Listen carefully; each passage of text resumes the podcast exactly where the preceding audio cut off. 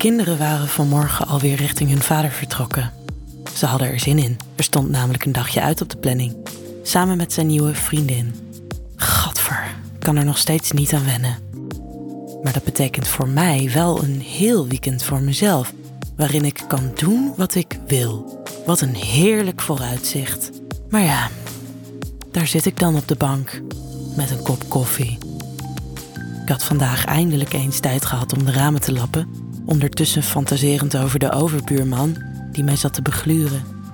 Ik liet geregeld mijn natte sponsje vallen en bukte zo verleidelijk mogelijk om de spons op te rapen. Ik werd opgewonden van het idee. Het was alweer zo lang geleden dat een man mij eens even flink verwend had. Ik hoopte steeds dat die lekkere buurman van nummer 20 ineens achter me zou staan. Iets te dichtbij, waardoor ik met mijn volle billen tegen zijn kruis zou drukken op het moment dat ik bukte. Dan zou hij vragen of hij een pak koffie kon lenen. Natuurlijk, zou ik dan gezegd hebben. Loop maar even mee.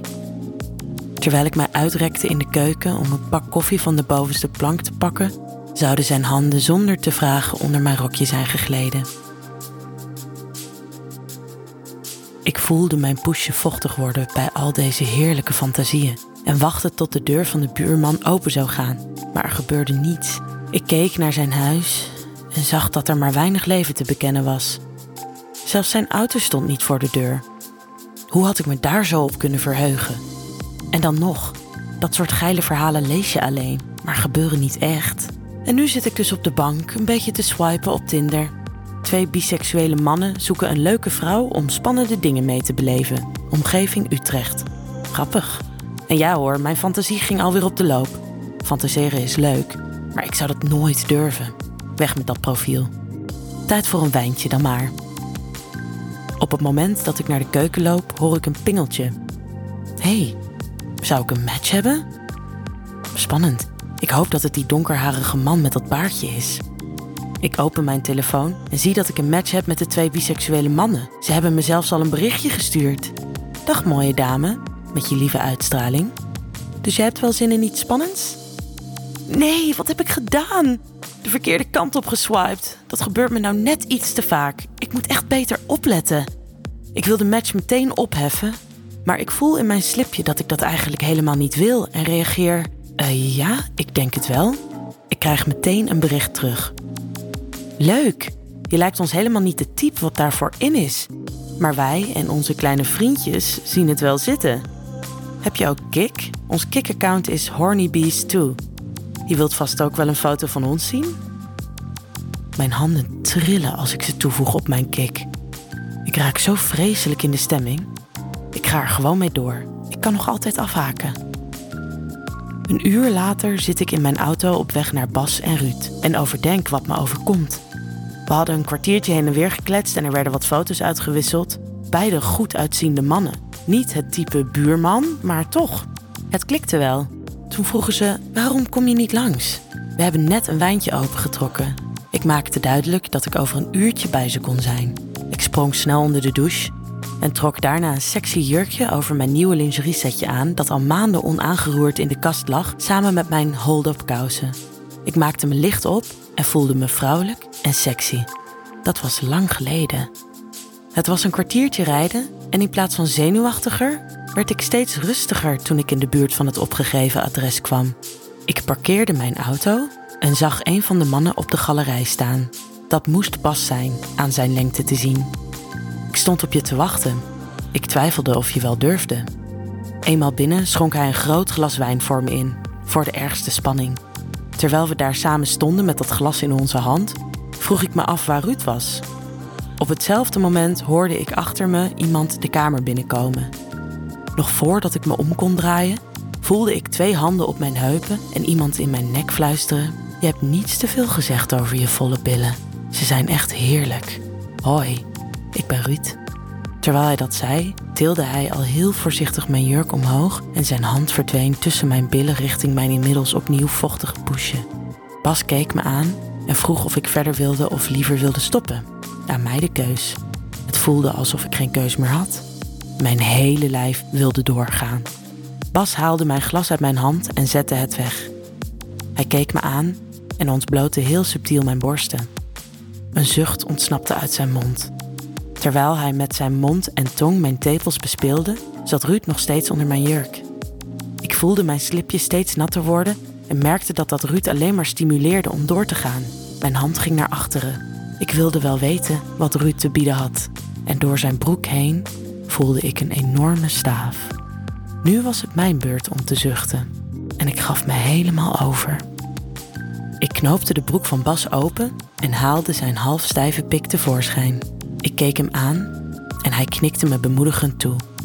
Ik nam zijn pik in mijn mond en daarvoor moest ik natuurlijk bukken. Dat was voor Ruud het moment om los te gaan. Voor ik het wist, had hij zich op mijn natte spleet gestort. Met zijn tong maakte hij lange halen om mijn vocht op te likken. Als een dorstige wolf slurpte hij aan mijn kutje. Wat was dat geil? Het viel me niet mee om me ook nog te concentreren op de pik van Bas. Zo lekker wat Ruud met me deed. Bas stelde voor om naar de slaapkamer te gaan en daar ging ik verder met het pijpen van Bas. Hij had een heerlijke pik. Niet heel groot, maar wel stevig. Ik schatte hem wat kleiner in dan die van Ruud, maar die had ik nog niet bloot gezien. Terwijl ik op mijn knieën Bas verwende, hoorde ik Ruud een condoom openscheuren. En even later stortte hij zijn enorme pik bij mij naar binnen. Mijn adem stokte even en ik genoot daarna volop van die twee pikken in mij. Ik hoorde Bas zeggen: Oh fuck, wat lekker. En Ruud hing over mijn rug en fluisterde in mijn oor wat voor een lekker geil ding ik was. Dat maakte me nog geiler dan ik al was. Mijn kontje ging nog meer omhoog om Ruud diep in me te laten stoten. Het deed best een beetje pijn en ik kreunde er dan ook op los. Bas vroeg of het wel ging en maande Ruud om het wat rustiger aan te doen. Ruud luisterde goed naar Bas en deed iets voorzichtiger. Oh, wat was dit lekker. Bas zei: Ik wil jouw lekkere kutje ook wel eens proeven. Zo te horen moet hij erg lekker zijn. Hij draaide zich zo om dat hij lekker aan mijn poesje kon likken en ik zijn pik heel diep in mijn mond kon nemen. Ondertussen had Ruud zijn grote pik alweer in me gestopt. Hoorde hem nu ook Bas zijn naam kreunen. Oh wauw, bedacht ik me. Bas likt van mijn kutje richting de pik van Ruud en hij zuigt aan zijn ballen. Wat enorm geil. Ik maakte me los uit deze situatie en draaide me om. En zag dat Ruud zijn condoom had afgedaan en zijn pik nu nog steeds in Bas zijn mond liet glijden. Ik bedacht me geen moment en ging Bas helpen. Samen likten en zogen we aan Ruud's pik. Maar de mannen waren daar snel klaar mee en richtten zich weer op mij.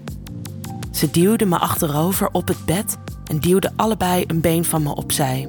Met z'n tweeën begonnen ze mijn inmiddels kletsnatte kutje met hun tong te bespelen.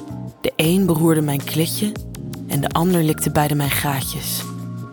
Oh, dit was hemels. Een van de mannen gebruikte er ook nog een vinger bij en beroerde mijn G-spot. Dit gevoel was te overweldigend. Dit had ik nog nooit meegemaakt. En ik riep: Stop! Bas kwam naar me toe en gaf me een heerlijke, naar mijn eigen geil smakende tongzoen en zei: Laat je maar gaan. Hij verdween weer naar beneden en ze gingen verder. Dit keer liet ik me gaan.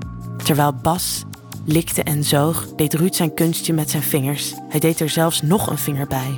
In mijn buik voelde ik het al golven. Ik kreunde. Ja, ja.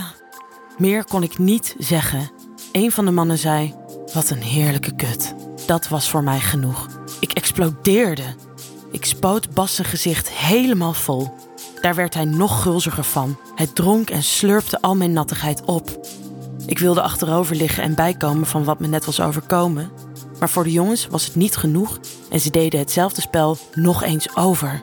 Ik had niet gedacht dat het weer zo intens zou zijn. Weer spoot ik het hele bed en die lekkere kerels nat. Nu was het Bas zijn beurt om een condoom om te doen.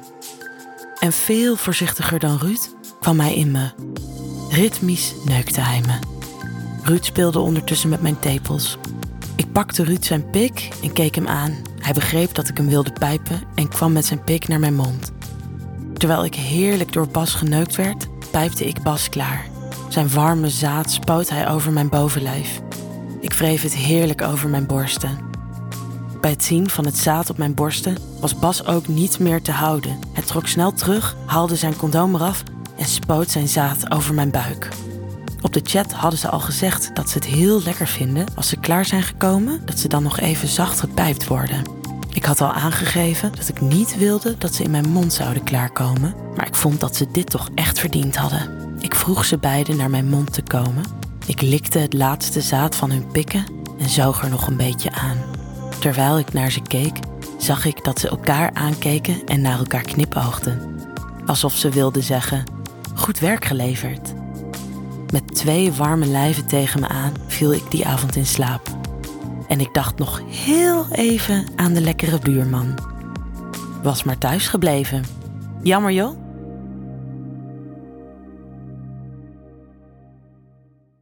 Wil jij nou meer spannende verhalen? Luister dan naar Charlie's Avonturen, een podcast van Easy Toys.